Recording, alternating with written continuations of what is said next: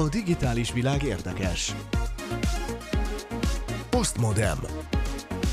Már megint világvége. A mesterséges intelligencia okozza a végünket. Van azért jó oldala is, egy magyar fejlesztésű emmi segít a tüdőrák után kutatni. Aztán bemutatjuk az énekes madarak hangját felismerő alkalmazást, sőt a növények felismerésében is az emmi segít. A kütyűhíradóban lesz leggyorsabb és legnagyobb, aztán a politika és az emmi összefonódása, végül kiberháborús hírek.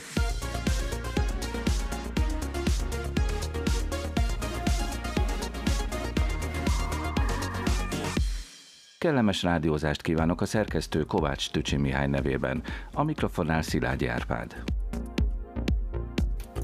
Ma az Asztaltársaságban Pál Bernadett csillagász, a Konkoli Csillagászati Intézet munkatársa. Szia Berni! Madárdalos szép pénteket mindenkinek! Itt van Justin Viktor, tudományos újságíró, az Agroinform munkatársa.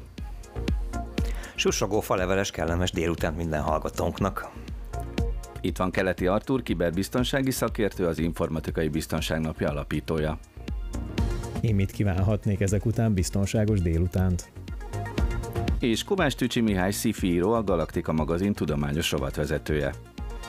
Kellemes egy órát mindenkinek. A telefon vonalunkban pedig kapcsoljuk majd Rész Betyár Gábor rádiós szerkesztőt is.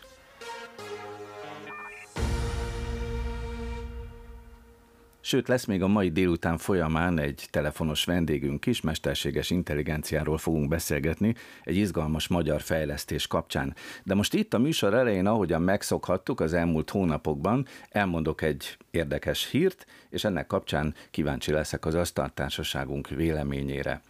Egy nyelvészek körében végzett felmérés szerint egyharmaduk gondolja úgy, hogy a mesterséges intelligencia fejlődése a végső pusztulásba viszi az emberiséget. A hivatalosan nem publikált kutatás a mesterséges intelligenciával kapcsolatos véleményeket vizsgálta 2019 és 2022 között a legalább két tudományos munkát publikáló számítógépes nyelvészek körében. 57 százalékuk gondolta, hogy a friss kutatások közelebb vittek az általános mesterséges intelligenciához, mindössze 58 százalék vélekedett úgy, hogy a természetes nyelvfeldolgozásnak köze van ehhez.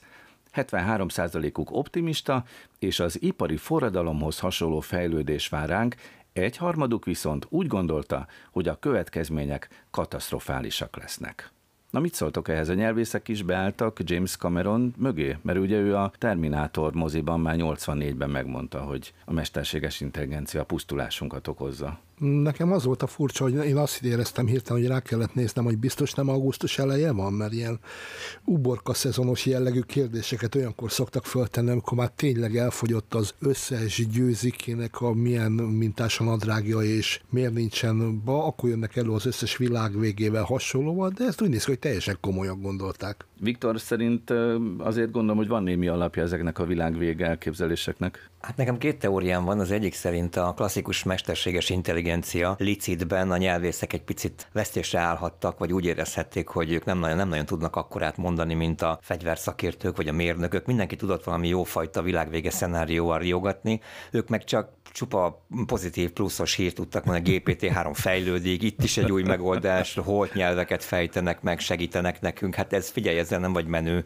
egy igazi nagy társasági beszélgetés, most kell valami riogatás, kell valami kemény odamondás, úgyhogy ez is kellett. A másik fele kicsit legyen, legyünk kicsit borúsak is, hát ez mégiscsak ők a nyelvészek, nem? Tehát lehet, hogy ők beszélgetnek vele, lehet, hogy a nyelvészeknek elmondtak valamit, amit másnak nem.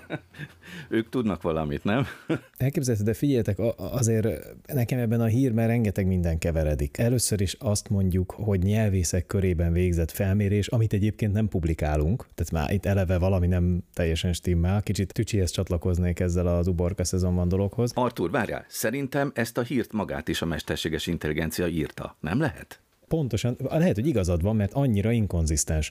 Tehát benne van, például pont azt akartam mondani, benne van az, hogy valami trendeket elemeztek, itt 19 és 22 között, majd aztán az is kiderült, hogy a friss kutatások közelebb visznek-e az általános mesterséges intelligenciához, itt se stimmel valami, mert ez egyáltalán nem ez a téma, nem ez a terület. Majd aztán előkerül az, hogy a természetes nyelvfeldolgozásnak ez mi köze van, majd utána jön egy ilyen világvége izé, hogy amúgy 73%-uk optimista. Szóval ez egy ilyen hatalmas nagy dolog. Kicsit olyan, mint amikor megmarad a vasárnapi ebédekből dolog, és ezt mind odaadják a kutyának. Tehát körülbelül ezt éreztem ebből ki. Benni, te nyugodt vagy a mesterséges intelligencia kapcsán, meg a jövőnk kapcsán? Hogy nyugodt vagyok, vagy nem vagyok nyugodt, én is néztem elég sci sorozatot, amiben ellenünk fordulnak a mesterséges intelligenciák. Egyelőre ez a cikk engem még nem ingatott meg. Nem fekszem le ilyettebben ma este, mint tegnap este, mielőtt elolvastam volna ezt a cikket. Fogalmazunk Aha. így. De ez csak azért van, mert nem vagy nyelvész. Ha nyelvész lennél, Lehet. akkor most gyakorlatilag egy sík ide kerülgetne, hogy mi fog itt történni a következő pillanatokban. Viszont én gyanakszom egy kicsikét, mert megkerestem ezt a bizonyos még nem publikált, vagyis még ilyen peer review-ra egyáltalán be nem küldött cikket, ami csak az archive van egyelőre feltöltve, és az első szerzőnek a keresztneve Julián, és ez engem emlékeztet egy szoftverre, amivel mi is rendszeresen találkozunk. Szerintem ez az ő ellenünk tervezett bosszúja lehet esetleg. Én elképzelem a nyelvészeket, hogy aggódnak a világ végén. Úristen, és ha ez bekövetkezik, mi lesz a tárgyas ragozással? Vagy hogy?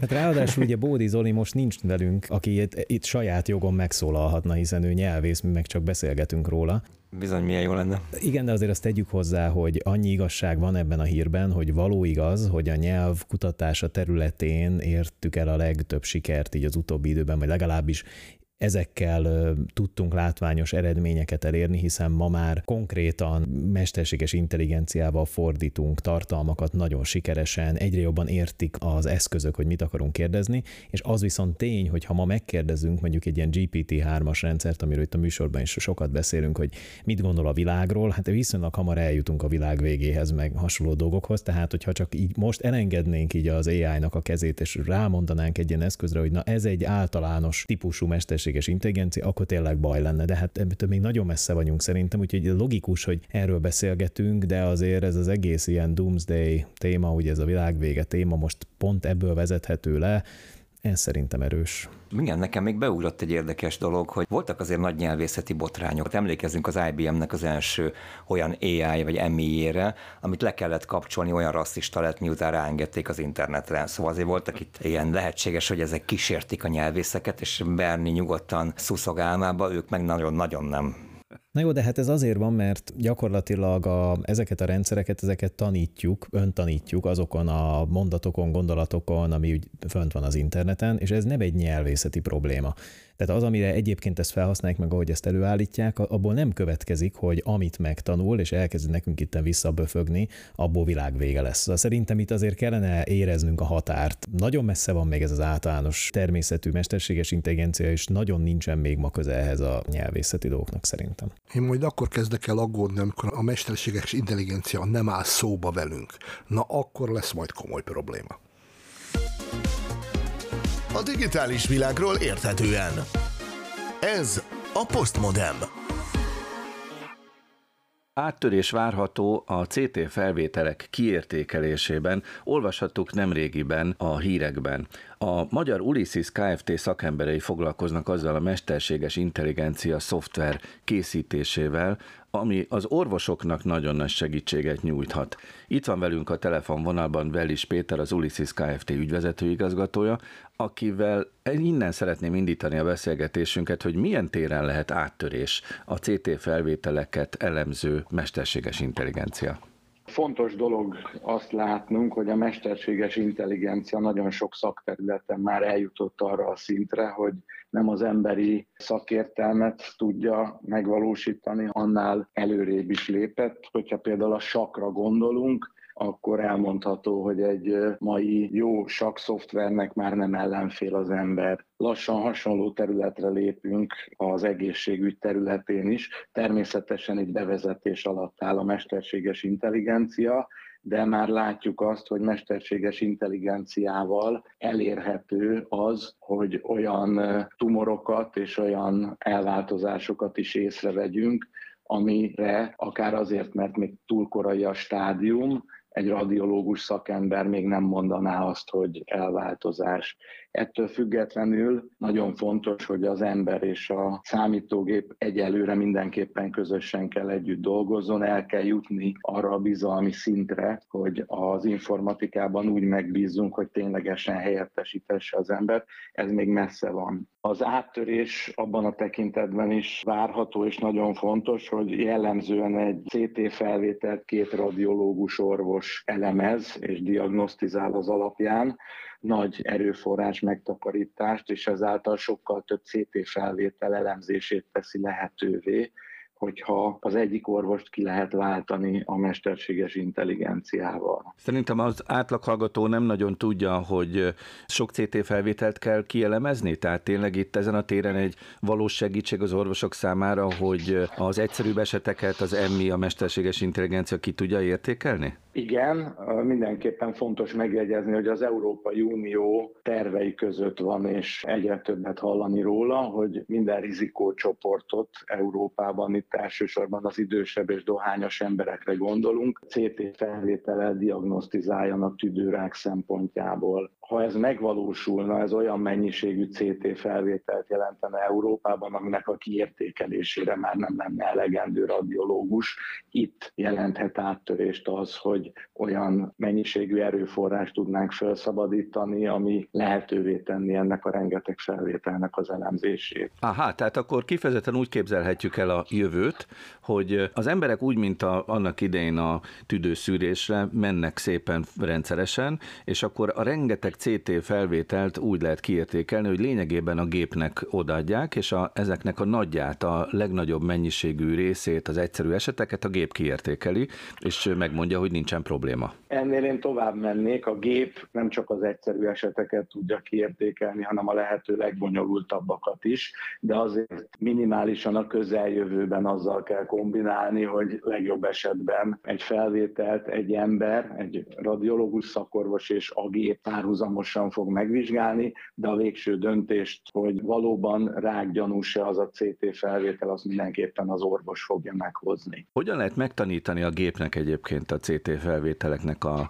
kiértékelését? Ugye azt tudjuk már a mesterséges intelligenciáról, hogy különböző mintákat, képeket, ilyen-olyan mintázatokat meg lehet tanítani, de ez miképpen működik egy CT felvétel esetén? Azt mindenképpen szeretném megjegyezni, hogy a mesterséges intelligenciának csak az egyik ága az úgynevezett gépi tanulás, annak egy bonyolultabb válfaja a mély tanulás. Itt erről van szó, ez az, amit látunk a hangfelismerés során, képfelismerés, arcfelismerés esetében. Nagyjából mindenki tudja, hogy hogy történik ez, illetve hát sokan már tapasztalták, amikor az új lenyomatukat vagy az arcukat tanítják meg a számítógépnek, vagy pedig a mobiltelefonjuknak. A CT fel felvételek esetén az első lépés az mindig a radiológus szakembereké, akik a CT felvételeket egy erre a feladatra speciálisan kifejlesztett szoftverrel megvizsgálják, és amennyiben ők tumoros elváltozást gondolnak rajta részint a látvány alapján, részint pedig a mellékelt szövettani minta alapján, abban az esetben azt a területet, amit ők rákos elváltozásnak gondolnak, azt három dimenzióban bekarikázzák, vagy bejelölik. A számítógépnek utána ezt tanítjuk meg, hogy ez a feladat, hogyha beérkezik egy olyan CT felvétel, ami rákgyanús, akkor azon karikázza vagy jelölje be azokat az elváltozásokat, amiket ő is annak gondol. Az esetleg szkeptikusabb hallgatók kérdését is hadd tegyem fel önnek, hogy mennyire biztos egy ilyen gépi felismerés. Tud-e pontosabb lenni, mint az emberi felismerés? Egyáltalán kinek jobbak az, az esélyei ebben a felismerésnek, a gépnek vagy az embernek? Minden szkeptikust meg kell arról, afelől nyugtassak, hogy hosszú távon mindenképpen a gép van előnyben. Itt ezen a területen egy különös új lehetőséget biztosít az, hogy a radiológus orvosok, amikor, eh, diagnoszt, amikor megvizsgálnak egy CT felvételt, akkor jellemzően az egészen apró elváltozásokat még nem tekintik rákos elváltozásnak, hiszen nem lehet mögé szovjettani vizsgálatot tenni. Amikor viszont tovább lépünk, és sajnálatos módon már egy nagyobb daganattal rendelkező tüdőt vizsgálnak, abban a tüdőben is vannak egészen apró elváltozások, lehetnek kezdődő rákos daganatok, és azt látjuk, hogy a mesterséges intelligencia, amikor tanítjuk, akkor ezeket a kisebb pontokat is felfedezi, és ezeket is be tudja jelölni, mint rákos elváltozásokat. Ilyen módon számíthatunk arra, hogy a jövőben egy olyan CT felvételről is lehet jó eséllyel már előre azt mondani, hogy itt rákos elváltozás fog kialakulni a jövőben, amiről ma egy radiológus orvos, orvos ezt még nem feltétlenül mondaná meg. Néhány szót még arról, hogy önöknél az Ulysses Kft-nél milyen munka zajlik. Ugye nyilvánvaló, hogy nyugaton, a fejlettebb országokban is különböző laboratóriumokban, kutatóintézményekben folynak ezzel kapcsolatos hasonló kutatások. Mi az, ami az önök számára komoly előny? Miben tudnak jobbak lenni a magyar szakemberek? Büszkékkel legyünk arra, hogy a Semmelweis Egyetemmel közösen egy olyan területen sikerült világszintű eredményt elérni, ami most kutatási területen a világ élvonalába tartozik. Nehéz lenne azt mondani, hogy mi jobbak vagyunk, mint a világ legjobb laboratóriumai, de elmondható, hogy a legjobbakkal vagyunk versenyben talán egyik nagy előny lehet, ami biztosított számunkra, hogy olyan jó együttműködést sikerült kialakítani az orvos kollégákkal és a Semmelweis Egyetemmel. Hosszú távon azt tudom mondani, hogy ott érhetőek el eredmények, ahol a környezet befogadó, és az adott eredményeknek a gyakorlati alkalmazását is lehet biztosítani, és ezek a gyakorlati alkalmazások azok, amik folyamatosan fejlesztéseket és fejlődést igényelnek a kutatóktól. A digitális világ érdekes. Postmodem.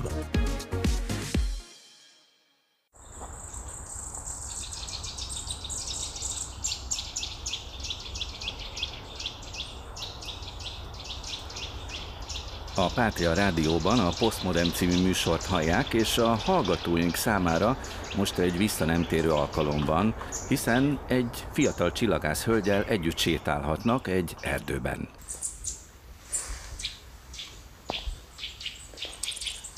A fiatal csillagászt Pál Bernadettnek hívják, és már a múlt heti műsorunkban is elárultuk, hogy műkedvelő ornitológus szereti a kismadarak hangját. Meg a kismadarakat is, hiszen ott van az erkély ablakában egy madáretető. Milyen felvételt hallunk most Bernadett? Hát most éppen egyébként a Normafai erdőben hétvégén készült felvételeket hallani, ahogyan a telefonomat föntartva vettem föl az erdő hangjait, Egyrészt azért, hogy meg tudja mit mutatni a hallgatóinknak, másrészt pedig azért, ugyanis tesztelni szerettem volna a Cornell Egyetem fejlesztette Merlin ID mesterséges intelligencia programot. Ez ugyanis egy olyan applikáció, ami nem csak fénykép alapján tudja felismerni az egyes madárfajokat, hanem már a hangjuk és az énekük alapján is. Tehát ezeket a felvételeket beadjuk ennek az applikációnak, akkor nem csak egy fajt ír ki, amit felismer, hanem az összes különböző madárfajt, amire éppen rájött, hogy hallani lehet. Például nagyon szépen énekeltek ezen a felvételen a csuszkák. Azt hallottuk az előbb egyébként ezeket a csuszkákat, meg más madarakat is hallottunk, és ahogy ezt tudom tőled, ez az alkalmazás azzal a fantasztikus képességgel is rendelkezik, hogyha több madár hangját halljuk egyszerre párhuzamosan, valahogy szétválasztja, és képes megkülönböztetni a madarak hangját. Ezt hogy képes megcsinálni? Hát ez egy nagyon jó kérdés. Én ehhez annyira nem értek a mesterséges intelligenciához, hogy rájöjjek, hogy ő hogyan válogatja szét, de valóban szétválogatja. Tehát annyira jól, hogyha a háttérben átrepült egy madár, és átrepülés közben valamilyen hangot kiadott, még az a kis rövidke felvétel alapján is be tudta azonosítani. És én most egyébként egy kis játékra is hívnám az asztaltársaságunkat is, de leginkább a hallgatóinknak, hogy vajon mi hogy teljesítünk egy mesterséges intelligenciához képest, és egyszerűbb és nehezebb madárhangokat hoztam, amiket föl lehet ismerni. Talán kezdjük a két megnevezett felvétel közül az egyikkel, amelyiket te választott ki, Árpi. Mutatom akkor azt az elsőt, ez egy rövidke, és figyeljetek itt az asztántárságban, hogy milyen madarat hallunk. Hát olyan ismerős, nem? Tehát, hogy ezt így halljuk szinte minden nap, ősszel meg, meg pláne halljuk ezt a hangot, de én nem tudom megmondani, hogy milyen madár, Viktor. Lápi buzgány jelezte, hogy három helyet csak kettő tojást talált, amikor visszatért az eredellel, tehát róka járt ott. Nagyon hiteles, amit mondasz. Artur, szerinted? Én csatlakoznék Viktorhoz, viszont vitatkozom veled. Én szerintem ez, bocsánat, de szerintem ez egy piros fülű bülbül. Ne, ne húgyjatok, de Amúgy igaz, amit mondtál, csak azon belül nem az a madár. Úgy érzem, hogy iciri piciri túlbonyolítjátok a kérdést. Várj, nem, nem, nem, nem, bocsánat, elnézést, ne haragudjatok, elszúrtam, ez szerintem egy kék tarkójú egérmadár. De azt kifelejtetted, hogy a dél-afrikai változata, és ez a hajnali párját hívó éneke. Tehát ne, nagyon oda kell figyelni az apróságokra, mert ezen úszik el az egész. Azt kell mondjam nektek, srácok, egyébként, hogy én ezt a Berninek mondtam előtte, hogy ez az asztaltárság a madártan szempontjából teljesen amatőr. Tehát hiába kérdezzük meg tőletek a madarakat, nem fogjátok tudni.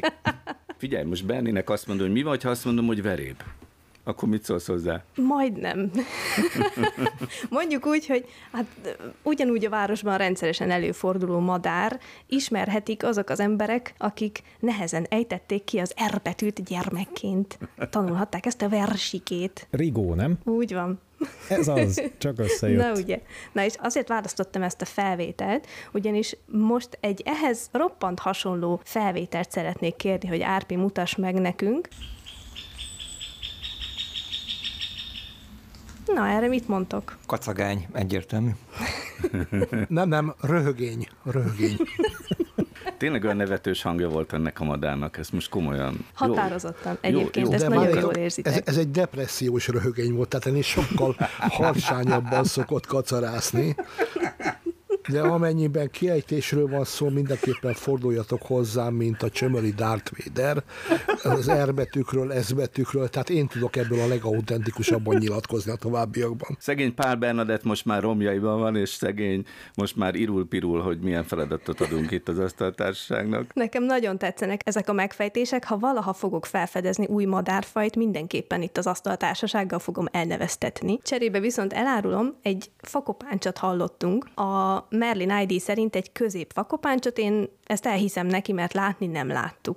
És hát azért szerettem volna ezt a két hangot megmutatni, hogy rávilágítsak, hogy tényleg bizonyos madárfajoknak roppant hasonló a hangjuk egymáshoz. És azért, akit ez érdekel, aki ezzel foglalkozik, persze fül alapján meg lehet ezt egyszerűen különböztetni, de akinek erre se ideje, se kedve nincsen, az egész egyszerűen előkaphatja az okostelefonját, és a mesterséges intelligencia megkülönbözteti neki. A Merlin ID alkalmazásoddal rögzítettél tényleg az RK ablakban is hangokat, úgyhogy mutatunk még ilyet, mert van itt. Eláruljam, hogy milyen modern hangot hallunk most? Berni, vagy te majd megmondod? Hát én szívesen meghallgatnék még egy hét tippet az asztaltársaságtól. Ja jó, oké, akkor tippeljenek. Na figyeljetek!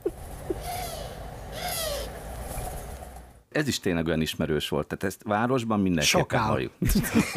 Madár, madár. Ez egy réti formány volt, nem világos. Ez egy madár volt. Majdnem. Berni, erre mondjál valamit.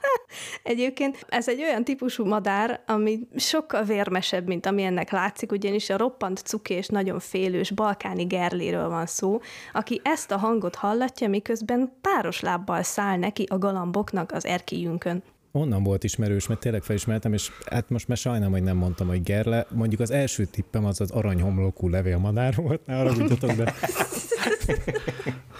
Nem, én a Gerlét sajnos nem ismertem föl abból kifolyólag, mert én azt csak fenyő maga megspékelve szalonnával csíkozva ismerem, tehát... Ezt meg se hallottam. Hmm, de ahhoz nem kell AI, hogy azt felismert, Tücsi, ez van. Nem, ahhoz egy 220 fokos sütő is 17 perc kell. Na figyeljetek, mutatok még. Itt van Pál Bernadett felvételeiből, még mutatok. Ez egy olyan madárka, aminek a hangjában nagyon sok magas hang összetevő van. Ezt én magamtól biztos, hogy nem ismerném fel az előbbiekkel, még lehet, hogy próbálkoztam volna, de, de ezt biztos, hogy nem ismerem. Én legalábbis laikusként nem ismerem fel. Úgyhogy mondd meg, Berni. Jelzem egyébként a hallgatóinknak, hogy a szerkesztőnk felismerte, ugyanis cseten kommunikál velünk, és teljesen igaza van, ez egy cinege, ráadásul egy színcinege, tavasztala, nyitnikék dalát rendszeresen hallgathatjuk. Nem a szomszéd garázs ajtója? Az ikorok pont Néha így. az is. Vitatnám, inkább ez ilyen tam, inkább ez ilyen tam volt, nem cín. Szerintem Berni most már elkönyvelhetjük, hogy a mesterséges intelligencia időnként még intelligenciában is előzi az emberi intelligenciát. Humorban viszont soha. Most már ne haragudjatok, de például amiket én tippeltem, mondjuk úgy, hogy tippeltem, azok mind létező madárfajok. És Magyarországon léteznek. Mit tudom én, kékarcú bajszika, például. Mit szóltak ez? Vagy egy, vagy egy barna sapkás pitta, mondjuk. Hát ennyi, az én tippjeimből pedig tök jó mesekönyvet lehetne írni.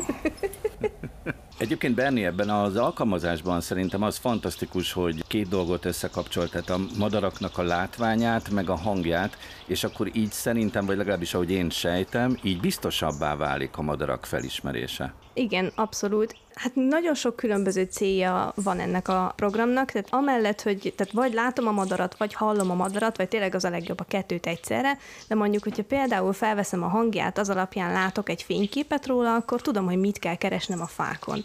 Másrészt pedig, hogy a GPS alapon is dobja föl nekünk a lehetőségeket, tehát nem fog nekem egy Amerikában ős honos madarat kiadni valószínű találatként, amikor látja, hogy Magyarországon vagyok éppen. Harmadrészt pedig minden egyes észlelés, ami nekünk köszönhetően bekerül az adatbázisba, az pedig a Cornell Egyetem által összeállított madár adatbázist bővíti. Artur?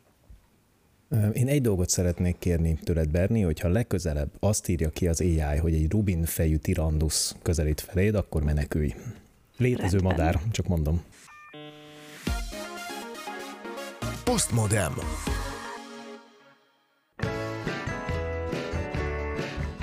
Native to the west coast of the United States. Ceanothus theocyphloris, better known as blue blossom, is És folytatjuk a természettudományokban való kalandozást. Madarak után növényekkel foglalkozunk, de mit hallunk most Justin Viktor? Kérlek szépen, hát a Ceanothus theocyphlorisról beszél az úriember, ezt gondolom, hogy mindannyian sejtettétek, ami nem más, mint a kaliforniai orgona, és gyakorlatilag egy olyan applikációnak a YouTube csatornájáról származó videóból idézel nekünk éppen, ami képes bármilyen növényt bárhol. Az én szerény becsléseim szerint legalább 90% plusz pontossággal beazonosítani. Nagyon-nagyon régen kerestem már egy olyan botanikai applikációt, normális botanikai applikációt, ami valóban képes rá, és ennek az ai úgy tűnik, hogy meg tudja lépni ezt. De ez a világon mindenhol működik, tehát nem csak ezeket az amerikai fákat ismeri fel, amit a videóban is láthattam? Képzeld el, hogy nem. Több mint 14,5 millió letöltése van, ezt mindig illik megnézni, hogy egy appot hányan töltöttek le. Hát itt aztán főképp, mert hogy AI, vagyis mesterséges intelligencia működik benne, és azt adatokkal kell etetni. Na most ez úgy működik ez az applikáció, hogy fogod, becsukod a neg screen-t, ami ugye próbál rávenni, hogy fizess elő, nem szükséges, ha csak nem akarod őket jutalmazni, amit egyébként egy kis használat után már fogsz akarni, annyira hasznos. Minden funkcióját ingyenesen elérheted gyakorlatilag, az a neve, hogy Picture This, vagyis készíts erről egy képet, kicsit becsapós, mert semmi köze a növényekhez a címnek, de Picture This néven meg lehet találni, és miután elkezdted használni, először is fotót kell készítened. Tehát odamész, adott a növény, lefotózod. És ezek után egy kicsit gondolkodik, feltölti a képet, majd kapsz négy javaslatot, amiből az első, az én tapasztalataim szerint 90%-ban az a növény, amit valójában látsz, de van még három másik variáció, az ötödik variáció pedig a következő, hogyha egyikkel sem vagy elégedett, mondhatod azt, hogy szerintem ez egyik sem. Ebben az esetben feltöltődik a kép, és próbálják kiértékelni, nagyon komoly közösség van mögötte, és akkor ők próbálják beazonosítani, és így gazdagítják az ai a tapasztalatrendszerét. Mondtál nekem egy nagyon érdekes számot, hogy megnézted, hogy hány növényt ismert fel ott nálatok ez a bizonyos alkalmazás, és hogy nagyon meglepő adat jött ki. Igen, hát hogyha a botanikai túrát teszünk, vagy, vagy hát kalandozunk a természetben, a Bernitől nem kell sokat elmozdulni a normafától, ahol ő járt, egy ilyen durván néhány kilométerrel lejjebb ott én lakom, és a kertembe kimentem megnézni, hogy körülbelül hány fajta különböző növény, mikor rájöttem, hogy milyen jó applikációt sikerült beszerezni, úgy számoltam 20-30 növény biztos lesz. Tehát ehhez képest több mint 75 növényt találtam és azonosítottam be. Persze ez a klasszikus módon indul, először a virágok, a látványosabb, nagyobb fák, a fenyők, stb. azokat nézed meg, és aztán rájössz arra, hogy lehajolsz egy kicsit, Radnózit és József Attilát követve, és megnézed az apróbb dolgokat, és rájössz, hogy tele van a kert olyan gaznak hívott növényekkel, amik valójában egyébként nagyon hasznosak, és majdnem mindegyik jó valamire, mint ahogy ez az applikáció is, hiszen elmondja rögtön, hogy mire tudod felhasználni, melyik jó fejfájás ellen, melyik ehető, iható, található a teája, vagy melyiktől óckodj, melyiktől tartózkodj, melyik mérgező, tehát mindenre figyelmeztet, és van egy nagyon jó kis történetem, ugyanis az össze, én elég sok fűszernövényt nevelek, mint 10, 10 körül, tehát a klasszikus rozmarin, kakukkfű, oregano, menta, citronfű, bazsalikom, stb. zsája mellett beszereztem egy köri növényt, amit úgy vettem meg, hogy aki árulta, az egyszerűen közölte, hogy ki volt írva, hogy köri plant. Én meg gondoltam, hogy körivel úgy is főzök, hát hazaviszem, akkor most már körim is lesz. És haza is vittem, aztán ezzel az applikációval, amikor elkezdtem játszadozni, akkor le is fotóztam vele, és beazonosítottam, hogy köri növény, és valahol, amikor elkezdtem olvasgatni a leírását, akkor esett le a tantusz, hogy hát a köri az nem egy fűszer, hanem az egy fűszer keverék. De hát akkor hogy lehet nekem köri növényem? Tehát egy fűszer keverék növényem van, hogy, hogy, hogy van ez a dolog? És aztán kiderült, hogy valóban ez egy ilyen trükkös növény, de hát erről is mindent elmondott az app, és azt mondta, hogy ez gyógyászati célokra alkalmas, gyulladásgátló gombaölő hatása van, zúzódások visszérkezelésére is jó, nem a köri, bár az íze hasonló. Nagyon jó. Te és ezeket az apró növényeket is fölismerte az alkalmazás? Minden egyes gazd beazonosított rendkívül egzotikus neveken. Hát angol a nyelve, tehát ez az egyetlen dolog van bele, hogy ezt le kell fordítanod egy Google kereséssel, megtalálod, hogyha én megmondom nagyon őszintén, nem vagyok otthon a botanikai angol elnevezésekben, mert a latin se túl sokat mond a legtöbb növénynél, tehát le kellett őket fordítani. Hát egy kicsit szótároztál. Egy kicsit szótárazol, illetve amit még megemlítenék, és nagyon fontos, hogy a növénybetegségeket is azonnal beazonosítja, a fotón, amit készítesz, kispiros karikával bekarikázza, el elmondja, hogy az mi, és azt is elmondja, hogy ez most egy komolyabb betegség, vagy nem, hogy mihez kezdj vele. Tehát, hogy gyakorlatilag Elképesztő. nem tudnék hiányosságot találni benne. Berni, a Merlin ID szintén csak angol nyelven érhető el, vagy beszél magyarul? Beszél magyarul is. Terület szerint lehet letölteni a madár állományt, és utána be lehet állítani, hogy milyen nyelven írja ki az adott fajnak a nevét, úgyhogy az enyém magyarul beszél, mert hát angolul nem ismerem feltétlenül a madarakat. Viszont én arra lennék kíváncsi, hogy egy csomó különböző fajtája van például a csili paprikáknak. Ezeket is meg tudja egymástól különböztetni? Abszolút, tehát a fenyőknél meg a tujáknál jött ez nagyon jól elő. Csili paprikáknál nem végeztem ilyen fajta fajta analitikát, de a tujáknál meg a fenyőknél igen. Elég sok különböző fenyő található ott, ahol én vagyok, és alfajokat tud. Tehát összesen négy tippet ad, de ez nagy százalékban az első sikeres, és olyan is volt egyébként, hogy egy betegség típust, az konkrétan az avokádom növényemnél, amit én neveltem magról, annál volt, nem ismerte föl, de látta a program is, hogy ez egy betegség, és ajánlott, hogy a közösségnek küldjem be. Be is küldtem a fórumba, amit szintén megtalálható az abban, és egy órán belül kaptam egy amerikai pasitól egy választ arra, hogy körülbelül mi lehet a gond, meg hogy mit csináljak vele. Tehát, hogy az egész olyan szinten működik, hogy fúha. Nagyon jó. Viktor, még azt mondd el nekem, hogy ha van erről ismereted, hogy ezt az alkalmazást ilyen hobbi kertészek rakták össze lelkesedésből, és ez nagyon hasznos a magadfajta otthoni kertészeknek, vagy pedig van mögötte valamilyen másfajta érdek, nem tudom én, valamilyen nagy agrotechnikai cég, akinek ez baromi fontos, hogy fölismerje azonnal a fajokat. Igen, én szerintem AI fejlesztők vannak mögötte, a világon mindene van, tehát végig van gondolva, van Instagramja, van Facebookja, van Twittere, van applikáció, és van külön egy websájtja. A YouTube csatornája fantasztikus, tele van elképesztő jó fajta magyarázó videókkal, különböző növény technológiai oktató videókkal, nagyon-nagyon ajánlom szintén mindenkinek és azt látom, hogy a legtöbb helyen a Picture This AI-jal brendelik, tehát azzal márkázzák, ami azt jelenti, hogy ezek a csatornáknak az Instagramjuk is ezt Picture This AI, vagyis Picture This mesterséges intelligencia, ami azt jelenti, hogy szerintem a fő hangsúly ezen van, és hát nagyon jó a hatásfoka, én azt tapasztaltam. A digitális világ érdekes. Postmodem. Következik rész Betyár Gábor és a Kütyű Híradó. Szia Betyár!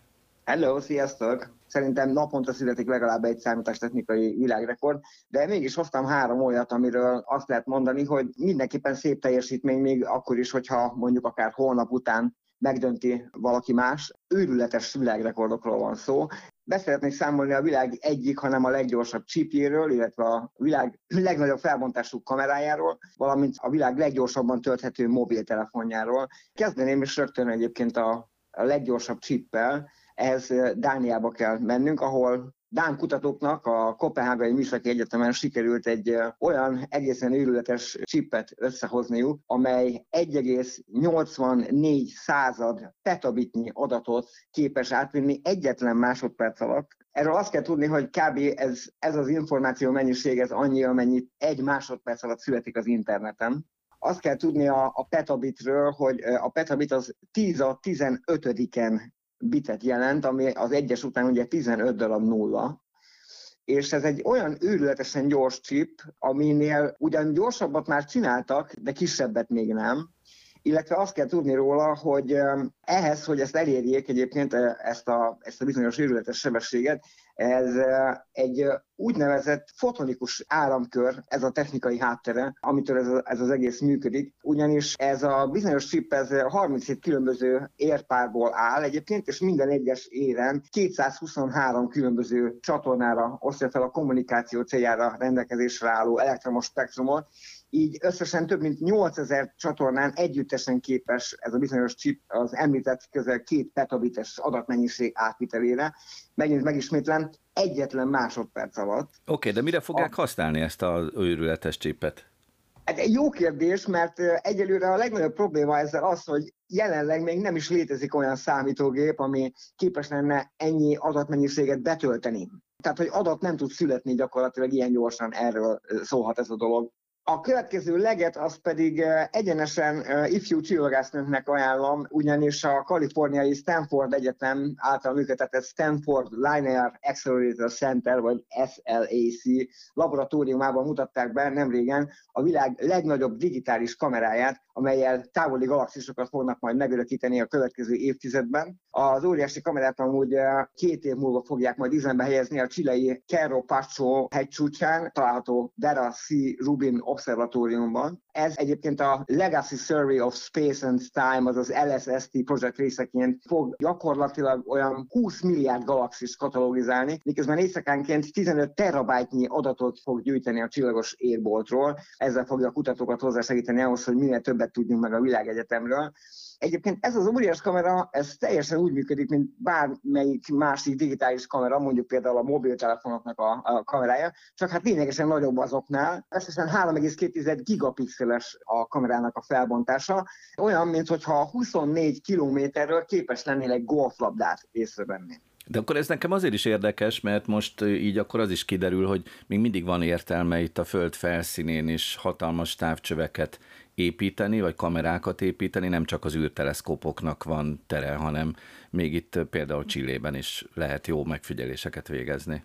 Valóban így van, Csillében direkt lézersugarokat arra használnak, hogy a, lézersugár változásával, változásával felmérik a levegő turbulenciáját, és ezzel módosítják az adatokat. Tehát ezért tudnak földfelszínről is csak nem olyan jó minőségű felvételeket készíteni kis túlzással, mint a Hubble teleszkóp. Nos, ezek után, ha azt mondom nektek, hogy egy legújabb mobiltelefon, amit amúgy a Xiaomi gyárt, az 200 megapixeles kamerával rendelkezik, ugye nevetségesen aprónak tűnik ez a másik kamerához képest. Hát például amely, hold felvételeket már lehetne vele készíteni, nem? Amúgy igen, illetve hát azért egy mobiltelefontól ez óriási teljesítmény a 200 megapixel is, csak ugye eltörpül a 3,2 gigabyte mellett, ami szerintem nem is egy súlycsoport, és egyébként ez méretileg is igaz, tehát erről a kameráról azt kell tudni, hogy ez tényleg egy annyira böhöm nagy szerkezet, hogy azt mondja 1 méter 75 cm maga a kamera objektív, nagyobb, mint egy autó de hát ez kell ahhoz, hogy ilyen méretek és ilyen óriási háttér kell ahhoz, hogy ilyen csodálatos felvételekre legyen esélyünk egyébként, amit ez a kamera majd fog nekünk 2023 végén vagy 24 elején szolgáltatni. Ez a bizonyos telefon, amiről én beszélek, ez a Xiaomi Redmi egy Note 12-es verzióval rendelkező úgynevezett Discover Edition változata, amely nem emiatt vívta ki egyébként a, a legjobb címet, hanem azért, mert képes arra, hogy 210 watt wattos töltéssel összesen 9 perc alatt nulláról százra feltöltsen egy mobiltelefont, ami viszont már egy egészen szép eredmény, mert mindenki, aki töltött már mobiltelefont, és esetleg már egy ideje használja, tehát nem a legújabb modellje van, hanem mondjuk egy vagy két, vagy esetleg még annál is régebb, mint két éves telefonja van, azért lehet, hogy másfél, két, két és fél órát is igénybe tud venni egy-egy töltés. A cikkírói, ahonnan én is idézek, megjegyzik, hogy mondjuk ezért cserébe, hogy ilyen űrletesen nagy erejű töltést vesz fel az akkumulátor, cserébe egyébként csak 4300 milliamperes akkumulátorra működik ez a technológia. Én őszintén szóval nem értem ezt a fajta berzenkedést, hiszen a 4300 milliamper is már egy olyan akkumulátornak tűnik, amivel simán ki lehet bírni két napot, hogyha nem nagyon nyomogatok a telefon, de hát ráadásul kit érdekel, hogy egy mekkora akkumulátort sikerül feltölteni, hiszen 9 percbe kerül az egész. Azt se számítana, hogyha kettő óra múlva lemerülne, és akkor is csak 9 percig kéne rádugni mondjuk a telefont a töltőre, mert szerintem ez már egy mindenképpen versenyképes, hogy egy említésre méltó, vagy csodálatra méltó teljesítmény a Xiaomi-tól, hogy összesen 9 perc alatt sikerül nulláról százra feltölteni a telefont. Jelenleg itt tart a tudomány, és ez még nyilván mind semmi, hiszen hetekkel, hónapokkal később lehet, hogy az összes ilyen rekord, amit most felsoroltam, mind megdől egy újabb rekorddal. Postmodem. A mai műsorunk fő témája a mesterséges intelligencia. Kovács Tücsi Mihály, a műsorunk szerkesztője nem különben ezzel a témával készült, csak hogy éppen a mesterséges intelligenciát a politikával köti össze. Megyünk Dániába, Kovács Tücsi Mihályjal. Hát először is egy kis saját ö, problémával kezdeném. Kezd lassz, szép lassan romokban heverni a science fiction írói karrierem. Mint a legtöbben tudjátok, általában szeretem a közeljövőről írni a novelláimat, amik szép lassan egyik a másik után megvalósul. 2009-ben jelent meg az egyik könyv, aminek az volt a címe, hogy Galaktika Fantasztikus Könyvek 200, mert az volt a 200. kötet, amiben írtam egy novellát, aminek az volt a címe, hogy a miniszterelnök jelölt. Ez egy szatirikus novella volt, hogy 2057-ben magyar politikusok egy csoportja meglátogatja azt a kísérleti mesterséges intelligenciát, amelyeket fejlesztenek, és felkérik, hogy legyen az ő miniszterelnök jelöltjük. Most a Dánok segítségével eljutottunk oda, hogy ez a novellám is valósággá vált, tehát most már ezt is kihúzhatom a sci-fi novelláim listájáról is átírhatom. Megírtam a mindennapokat. De hogy visszatérjünk a témára, valóban a Dánoknál egy párt avval akar indulni, hogy egy mesterséges intelligenciát választott pártvezetőnek, egész egyszerűen Lars vezetőnek hívják, ami egy olyan kicsit olyan nácis beütése van így, hogy az ember hallja, de azért elég sokkal demokratikusabbak ők azt a 20%-ot akarják megszólítani a választóknak, akik nem járnak el szavazni. Ők ezeknek akarnak nyújtani egy teljesen újfajta útat, egy teljesen más megoldást arra, hogy hogyan lehet demokratikusan az ország életébe beleszólni. Hmm. Ez nagyon érdekes koncepció, de mi a szerepe ebben a mesterséges intelligenciának? Egy ilyen közölménykutatást végez a háttérben? Nem, Lars vezető, a párt vezetője, maga a mesterséges intelligencia, ez egy Discordon lévő chatbot, akivel el lehet beszélgetni. Tehát például egy újságíró az első alkalommal feltett néhány kérdést az alapjövedelemről, amire Lars vezető rögtön azt mondta, hogy nagyon egyetért vele, ezt szeretné bevezetni, mert ez egy rendkívül demokratikus intézkedés, csökkenti a gazdagok és a szegények közötti távolságot, minden szempontból roppant előnyös lenne. Tehát ez így még jól is hangzik, de hogyha az ember belegondol, hogy tulajdonképpen minden mesterséges intelligencia az ember által létrehozott tartalmakból tanul, akkor így alapból rögtön felmerül a kérdés, hogy nem lesz egy ilyen mesterséges intelligencia rögtön populista, uh-huh. hiszen ő azokat a vágyakat ismeri meg, meg azokat látja ki hangsúlyozva, amit az emberek szeretnének, és ezek általában mindig nagyon populista lépések, tehát például az ingyen sör, töröljük el a téli idő, nyári időszámítást, és hasonló. Örök élet. Így igaz, meg az ehhez hasonló ötletek, ebben rendkívül népszerű lehet az ember, és egy mesterséges intelligencia is. Elméletileg 20 ezer aláírást kell ahhoz összegyűjtenük, hogy az idei választásokon elindulhassanak. Ennek egyelőre még a töredéke jött össze, tehát nem igazán hisznek maguk a választópolgárok sem a mesterséges intelligenciában de ahogy bevallották, az igazából nem az a céljuk, hogy egy valóban egy mesterséges intelligencia legyen az ország vezetője, hanem ez egy olyan akció, amivel szeretnék a mesterséges intelligenciát jobban elfogadni, egyfajta módon demokratizálni, hogy az emberek megértsék, hogy igen, a mesterséges intelligenciák már köztünk vannak. Egyébként te mit gondolsz, Tücsi, hogy a jövőben lehet komoly szerepük a politikában a mesterséges intelligenciának, mint a féle mesterséges embereknek, mesterséges véleményvezéreknek? Sajnos mindenképpen, és ennek már most is nyomai vannak, ugyanis egész egyszerűen a mesterséges intelligenciával ellátott chatbotokat lehet ráereszteni minden létező fórumra, ahol teszem, az van egy uralkodó párt, amelyiknek valaki beszól valaki, és abban a pillanatban 300-400 különböző chatbot ráugrik, és a szövegfelismerés alapján olyan válaszokat ad neki, amivel negligálni tudja a tiltakozás például a kormány ellen.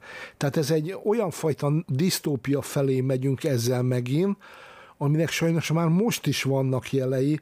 Például pont most volt, hogy a Twitter megvétele alkalmából rögtön volt egy ilyen akció, hogy bemutassák, a, hogy mennyire negatívan lehet befolyásolni chatbotokkal az eredményeket, de ez már egy másik téma. A digitális világról érthetően. Ez a Postmodem. Most már lassan háromnegyed éve folyik a háború Ukrajna és Oroszország között, és a kiber hadszintéren pedig szinte az egész világban. Mondhatjuk azt is, hogy kiber világháború van, úgyhogy átadom a szót keleti Artúrnak, mik a hírek. Még előtte annyit megjegyeznék, hogy és összefüggésben természetesen ezekkel a, a hírekkel, hogy azt nem tudom, tudjátok-e, hogy már létrejött az úgynevezett mesterséges intelligencia bűnözés, az AI crime fogalma, az AIC, ami pontosan azokat a helyzeteket írja le, amelyeknél a mesterséges intelligenciát föl lehet használni arra, bármilyen formában, akár chatbot, akár egy adathalásztámadás, akár bármilyen más esetben, vagy esetleg politikai motiváció által, ahol tulajdonképpen bűnt követel a mesterséges intelligencia, vagy az, aki használja. És nyilván ez egy fontos distinkció, hiszen valahogy rá kell arra jönni, hogy a mesterséges intelligenciát hol használják föl egy ilyen támadásban, és hogy mi ennek a szerepe. És ezért nagyon fontos az, hogy a másik oldalon is bevessük keressük a mesterséges intelligenciát, és hoztam nektek egy példát is erre. A Louisianai Állami Egyetemnek van egy fejlesztése, az neve, hogy Hook Tracer, ami tulajdonképpen egy ilyen horog követő, vagy valami hasonló, és azzal a módszerrel működik, hogy a kórokozók az informatikai rendszerekben nagyon gyakran kapcsolódnak rá, sőt tulajdonképpen így működik nagyon sok rendszer, az úgynevezett API-okra, hogy ezek azok a felületek, amiken keresztül a különböző rendszerek egymással beszélgetnek, ezek ilyen fejlesztői interfészek, kapcsolódási pontok, és ezekre egy rákapcsolódik ez, ezekkel a horgokkal a különböző alkalmazások és azoknak a, a programjai. Na és ezeket a rákapcsolódásokat szokták kihasználni nagyon gyakran a, a kórokozók az informatikai rendszerekben, és ezért egy olyan megoldást fejlesztett, a, vagy olyan megoldást fejleszt az egyetem egyébként a helyi rendőrséggel együttműködve, és itt már látható az, hogy a mesterséges intelligenciát hogyan használják a, a rendvédelemben is, most már egyre mélyebben, hogyan próbálják elkapni a bűnözőket. Szóval egy olyan megoldást fejleszt a, az egyetem, ami tulajdonképpen rákapcsolódik az informatikai rendszerekre, és megpróbálja észrevenni ezeket a bizonyos váratlan rákapcsolódásokat, ezeket a rákapaszkodásokat ezekre az egymás közti csatornákra, míg hozzá mesterséges intelligenciával teszi ezt, mert egyébként anélkül nagyon nehéz észrevenni. És itt mintákat vesz észre a mesterséges intelligencia, és azt mondja, hogy ilyenek nem szoktak itt történni, álljunk meg egy pillanatra, nézzük meg, hogy ez mi volt. Tehát most már a mesterséges intelligenciát erre a célra is intenzíven használják. Na de hogyha visszatérünk a kiberháború frontjára, ahol egyébként szintén használnak már sajnos mesterséges intelligenciát a támadásra. A GhostSec nevezetű szervezet az egy, egy igencsak szervezet aktivista csoport. Amúgy sok különböző akciót lehetett már tőlük látni. Ők az Anonymoushoz hasonló, vagy Anonymous műveleteire jellemző módon működő csapat, OP Libanon, OP Nigéria, OP ISIS, például az ISIS ellen, hogy ezek mind ilyen operation, tehát ilyen támadási, műveleti dolgok, amiket ők ilyenkor meghirdetnek. Például az ISIS elleni, az OP ISIS ellenit azt szerintem sokan ismerik, amikor itt a terrorista szervezet ellen tulajdonképpen idézőjem az Anonymous felépet. Na, szóval most egy nagyon érdekes dolog történt. Az a GOSZEK nevezetű szervezet, ez az iráni vasutak ellen intézett egy támadást, és az állításuk szerint megszüntették a teljes internet hozzáférést az iráni vasútrendszernek, sőt, ők azt állítják, hogy a távoli hozzáférést, illetve az egymással való kapcsolattartást is megnehezítették 14 különböző helyszínén az iráni vasutaknak, és hát ezzel is kifejezik, mint ahogy általában ilyenkor a tiltakozásukat bizonyos dolgok ellen, mondjuk az iráni elnyomó rezsim ellen. De aztán például a, a Cyber Army of Russia, ami tulajdonképpen a kiberhadsereg, az orosz kiberhadsereg tulajdonképpen az ukrán IT Army-nak a mására jött létre, ők nem voltak a Twitteren, és most egyszer csak visszatértek. És nagyon érdekes, hogy az egyetlen ember, akit bekövettek, az az Elon Musk volt nem nagy meglepetésre, hiszen mostanság attól hangos a, a minden, a Twitter maga is, hogy Elon Musk az mennyire fogja majd, vagy mennyire engedi majd vissza azokat a szervezeteket a szólásszabadság jegyében, akik eddig nem mehettek részt, akiket letiltottak a Twitterről, és hát az azért beszédes, hogy ez a, ez a szervezet, ez, ez csak Elon Muskot követi, és így tért vissza a Twitterre. Vagy aztán itt van egy nagyon érdekes és rendkívül riasztó hír, egy magát Jokernek nevező orosz hacker az feltörte azt a vezérlő programot, amiről az ukrán hadvezetés azt állítja, hogy ezen keresztül irányítják az összes ukrán csapatmozgást, eszközöket ezzel figyelnek meg. Deltának hívják egyébként, és nagyon meggyőző képeket mutattak erről a feltörésről, tehát úgy tűnik, hogy tényleg sikerült, hogy lehet, hogy sikerült behatolni ebbe a rendszerbe, sőt, tovább megyek, ezt nem csak publikálták, ami egyébként valószínűleg egy stratégiai hiba, de erről már beszéltünk korábban a műsorban, hogy sok ilyen hibát elkövettek már a, a háború során a, a felek. Nem csak, hogy publikálták ezt, hanem egy, egy katona arról is beszélt, valószínűleg egy másik területről érkezett, tehát nem azok közül, akik feltörték, hogy ebbe a rendszerbe belépett, és azokat a gépeket, amik ehhez a rendszerhez csatlakoztak, tehát az ukrán gépek, azokat bizonyos vírusokkal megfertőzte, illetve összezavarta a rendszernek a működését, átrakta rajta a különböző rombuszokat, négyzeteket és mindenféle egyebeket, amik nyilván stratégiai elemeket jelölnek. Még nem tudjuk, hogy ebből pontosan mi az igaz, de, de látszik, hogy ebből óriási baj lehet, különösen abból, hogy, hogy publikálták ezt a dolgot. Szóval az látszik most, hogy, a, hogy ebben a térben rendkívül nagy a mozgolódás még mint mindig, és nem álltunk meg. Tehát ez egy, ez egy folyamatos veszélyforrás, és sajnos, hogyha megnézzük itt a szereplőket, hogy, hogy bárminek a jegyében, bárminek a nevében feltörhetnek rendszereket, rászállhatnak bizonyos szereplőkre, elég ha a Ghostek vagy az Anonymous valamelyik ága meghirdet egy kampányt valaki ellen, vagy hogyha kihúzza a gyufát valaki valamelyik harcoló fél oldalán, vagy csak állást foglal valamiben, vagy, vagy, vagy egy közösségi média platformon elkezd valamit csinálni, és igen, csak rászállhatnak ilyenkor a hackerek. Tehát mindenki készüljön fel, minden szervezet, minden cég, államigazgatási szerv és az ellátási láncnak a, a különböző elemeiben dolgozó cégek is arra, hogy ilyenek bekövetkezhetnek, sőt, forgatókönyveket kell arra írni, hogy ilyenkor mi történik meg, meg megfelelő szolgáltatókhoz kell fordulni, akik 7x24 órában kell, hogy ezeket figyeljék, amikről itt beszéltünk, azok is az elmúlt pár órában, pár múlt napban történtek meg, vagy napokban történtek meg, tehát gyorsan történnek az események. Ma már négy óra alatt le lehet ültetni egy szervezetet teljesen. Köszönöm szépen Artur, eddig tartott a mai Postmodem, köszönöm szépen a részvételt Pál Bernadett csillagásznak, Justin Viktor tudományos újságírónak, Keleti Artur kiberbiztonsági szakértőnek, Kovács Tücsi Mihály szifírónak és Részbetyár Gábor rádiós szerkesztőnek. Jövő héten pénteken 16 óra 5 perckor újra jelentkezünk a Pátia Rádióban. Addig is a viszontlátásra YouTube-on és viszont hallásra a Pátia Rádióban. Szilágy Árpádot hallották. Postmodem.